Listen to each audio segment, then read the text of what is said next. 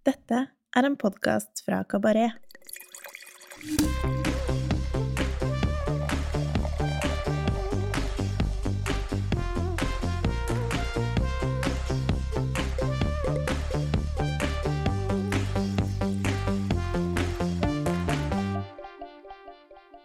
Hei, jeg heter Jørgen, og jeg er redaktør for kabaret.no. I denne episoden av Ukas vin så har vi med oss gjesten Jefferson Goldring, som er vinsjef på Barn Imperial og restauranten Tea Room i Oslo. Like etter at vi hadde spilt inn de fire episodene der han er gjest, så fikk vi en trist nyhet. Luke Henderson, kjøkkensjef og Jeffersons partner ved disse utestedene, er død. Etter å ha snakka med Jefferson kom vi fram til at vi likevel ønsker å publisere episodene.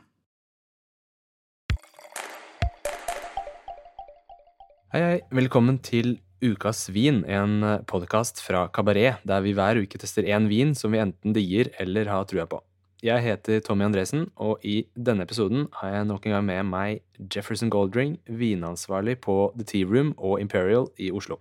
Jeff han er brite, så deler av denne podkasten vil foregå på det engelske språk, deler på norsk.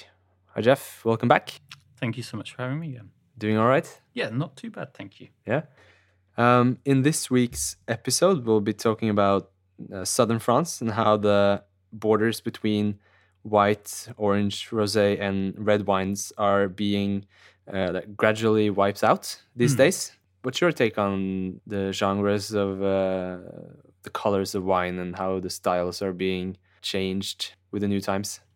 I think it's uh, really interesting to follow along, sort of going back. There was almost just the three colors uh, rose for the summer when it started getting warm, and Hmm. red and white, and um, then orange came along and really sort of inspired a lot of people and how the techniques were.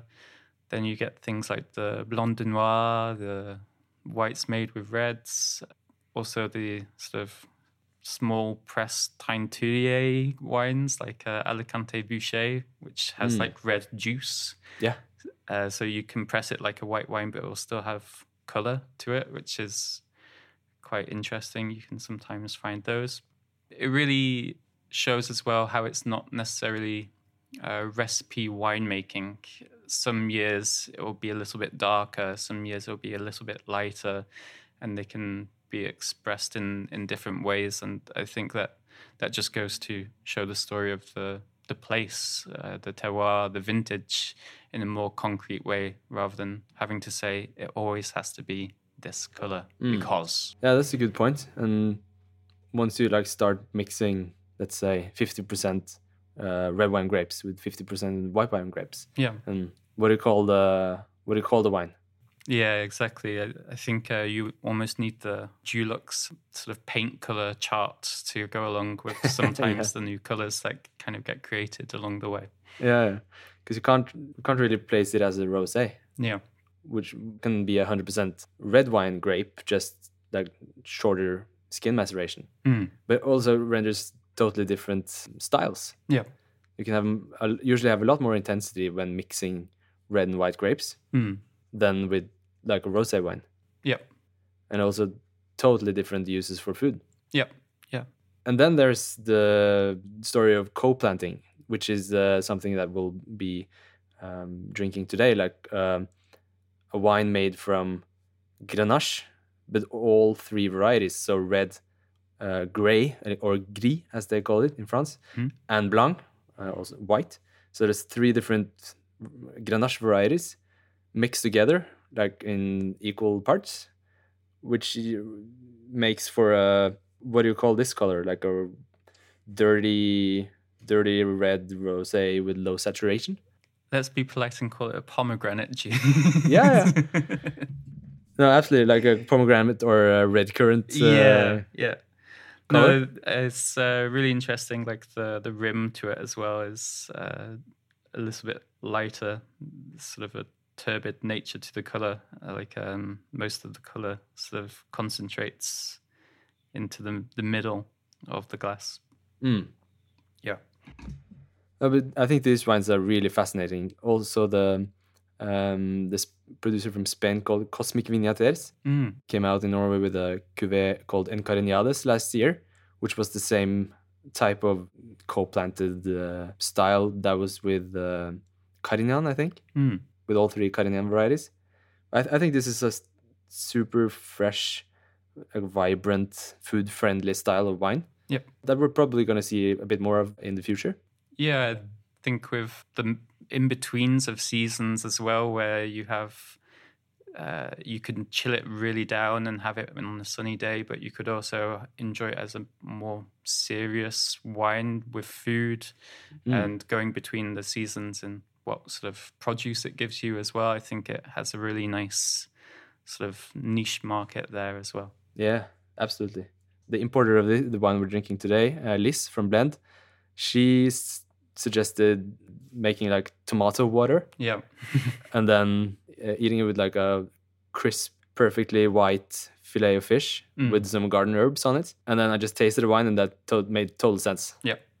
So I'm definitely going to do that this summer. Sounds good. also, people like Anton von Klopper from Lucy Margaux in uh, Australia. hmm He has been doing this for, for years. Yeah. Like blending, let's say, 20% red into 80% white. Yep. It confuses your, messes up with your brain a bit, Yeah. especially when like getting that stuff blind is uh, a bit tricky. Yeah, absolutely. Back to the region that we're visiting today, Languedoc in the south of France. You have a bit of a soft spot for the south of France, I've noticed uh, through your uh, Instagram uh, account. What's your relationship with the region? just a, a really big respect. I think it's a very um, dynamic region. Um, of course, we saw sort of waves, especially within France, uh, the big natural pioneers of Loire and Jura as well. But then with those waves come higher prices for vineyards. And I find Languedoc and Roussillon is uh, a region that still has accessible prices for new producers to go in and, and do incredible things with uh, many different grape varieties. Uh, so quite a lot of different styles of wine uh, exist within there as well, and generally really great value as well for for the wine that you get. Do you have any personal favorite producers there? Uh, so Opi d'Aqui that we're tasting now is from the Hérault uh, sort of river region, and uh, of course that's where some of the, the big boys lie. So the the Grange des Pères, the Mas de Daumas Gassac, and uh, Mas Julien as well.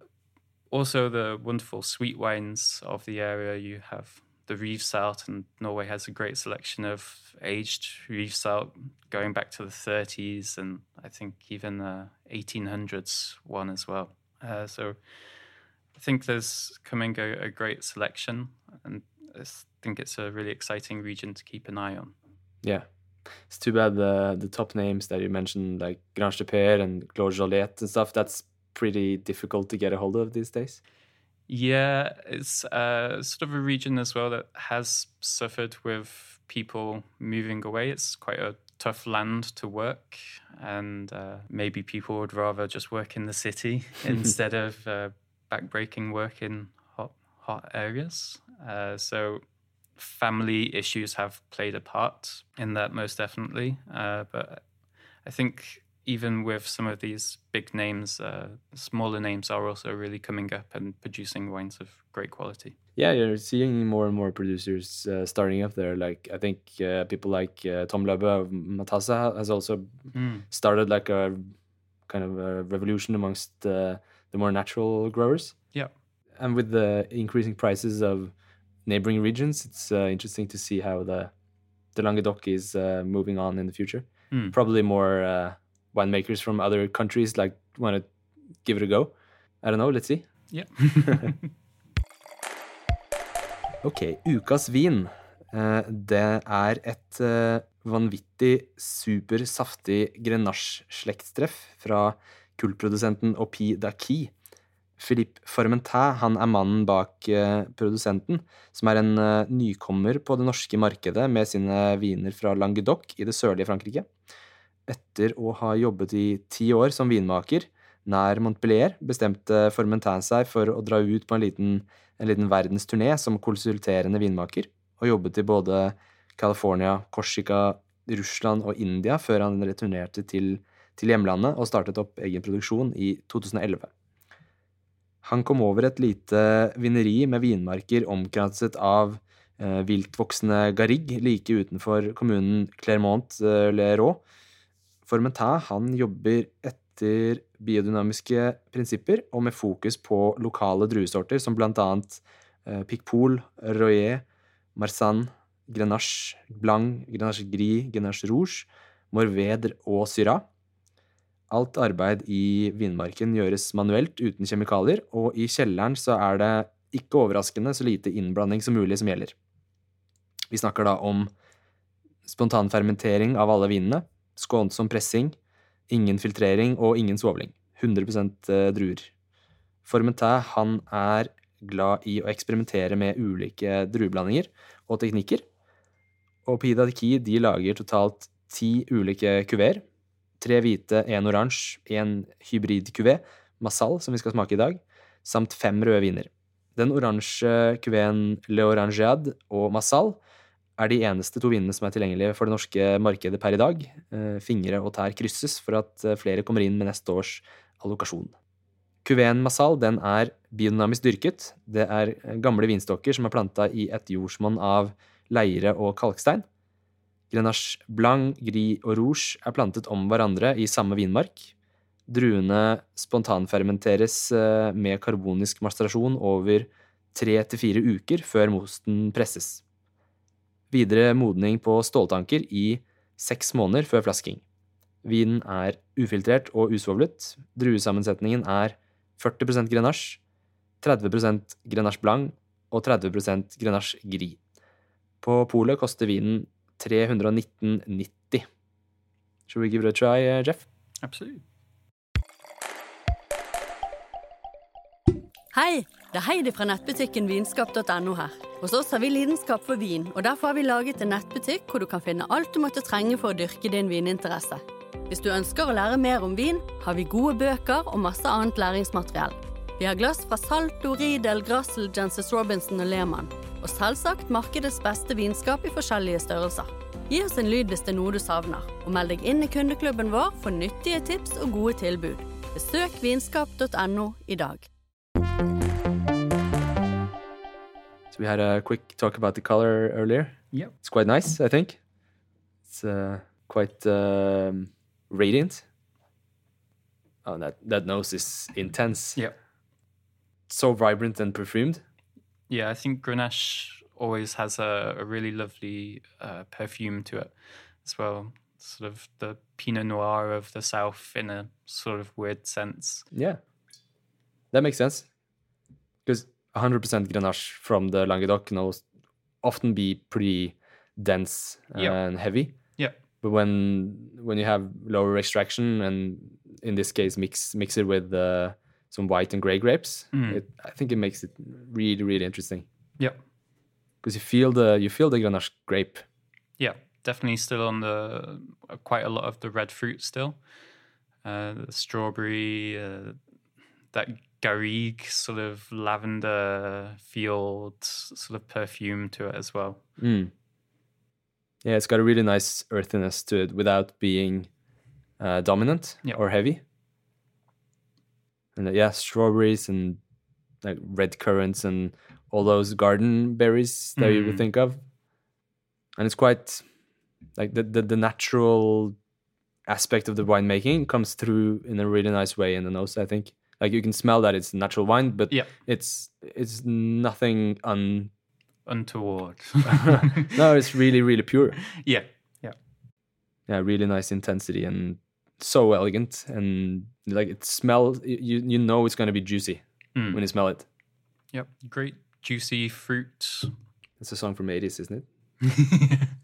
Juicy fruit. I think it's a brand of uh, gum? chewing gum. Chewing gum it is. Yeah. Quite a strong, like acidic backbone that like dr- drives the wine. I feel, Mm. and um, touch of volatile acidity as well. Nice perfumed lift. Yes. that's a that's a nice way to describe it. But I feel that it gives uh gives character and like it's it's part of the the natural experience. yeah. It's super fresh, summery, low alcohol wine, perfect for the like a terrace evening on like terrace with the sunset and some I don't know, just some snacks or something on the barbecue, maybe. Yeah, I think so. And uh, I think it could also be that replacement for cabernet as well. you know, Yeah, yeah, yeah, that's true. Something that can almost be the aperitif wine actually before you move on to Mm. other things. That's a good point. Yeah, it, it kind of has some of the same qualities as an orange wine when it comes to food pairings. It's still completely different, of course. Yeah. Not kind of lies between categories, you know. Yeah. So it has those has those same characteristics that makes it suitable for some wines that not quite right for white or not quite right for red. Yeah. Yeah, definitely the tomatoes. I think uh, charcuterie, Mm. uh, things if you want to use a lot of basil. Yeah. Uh, spicy food as well. I think if you have sort of duck with a chili, sesame sort of dressing, Yeah. just as a small salad. Yeah, that sounds really nice.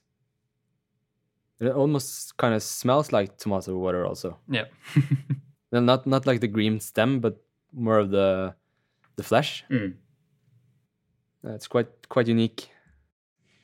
Mm. Uh, this bottle has been um, opened for like a couple of hours now, and you feel that there's like a slight, like a hint of mousiness on the finish. Uh, it could either be uh, our bottle, or it could be that it uh, needs to be emptied quickly, Mm. or it could be also be like a travel thing that it needs to like rest for a couple of months before it like blows away. Yeah. I had also had this one at the press uh, tasting with the with the importer, and then this that bottle was like 100% Yeah. pure. So Yeah. I don't think that will be a reason not to buy it. Yeah. It's a it's a great wine. Uh, this is probably just like an one time thing that or or it will blow away. Yeah. Not sure. I think the the wine as a whole is very enjoyable. That I don't think you'll you'll find it hard to finish the bottle No. anyway. I mean, that like like sour berry Mm. style. I think it's yeah, really fresh and uh, lively and energetic and like such a vibrant, juicy wine. Yep. I'm I'm probably gonna be drinking it this summer. Have you had any of uh, OP wine at the uh, at the restaurants? No, so uh, I believe this is the first shipment uh, that's come through. Mm. So the Massal and the Orangeade, and uh, I think I'm really excited to see what dishes uh, Luke has been coming up with during these past few months, and uh, seeing if this could be a potential candidate during these sort of summer months as well. Very vibrant uh, wine with plenty of uh, interesting aromatic notes to it, but still backed up with good acidity and uh, texture as well. Mm. And yeah, quite on the quite on the natural side. Yeah. So if you're if you have a really like a classical palate, not used to natural wines and its uh, all its uh, imperfections, Mm. then uh, you might uh, want to reconsider. But uh, if you uh, if you like the the craziness of natural winemaking, then this is definitely something for you. Mm. Fint. Følg med i neste episode. Da tester vi en naturlig aligoté fra Burgund. Jeff han blir med oss videre. Ha det bra! Goodbye. Husk at du finner info om vinen vi smaker på i episodeinfoen. Der finner du også en liste med produsentene vi nevner i episodene. Har du ris eller ros, må du gjerne sende en mail til vin at kabaret.no. Husk å abonnere på podkasten, og gi oss gjerne noen stjerner.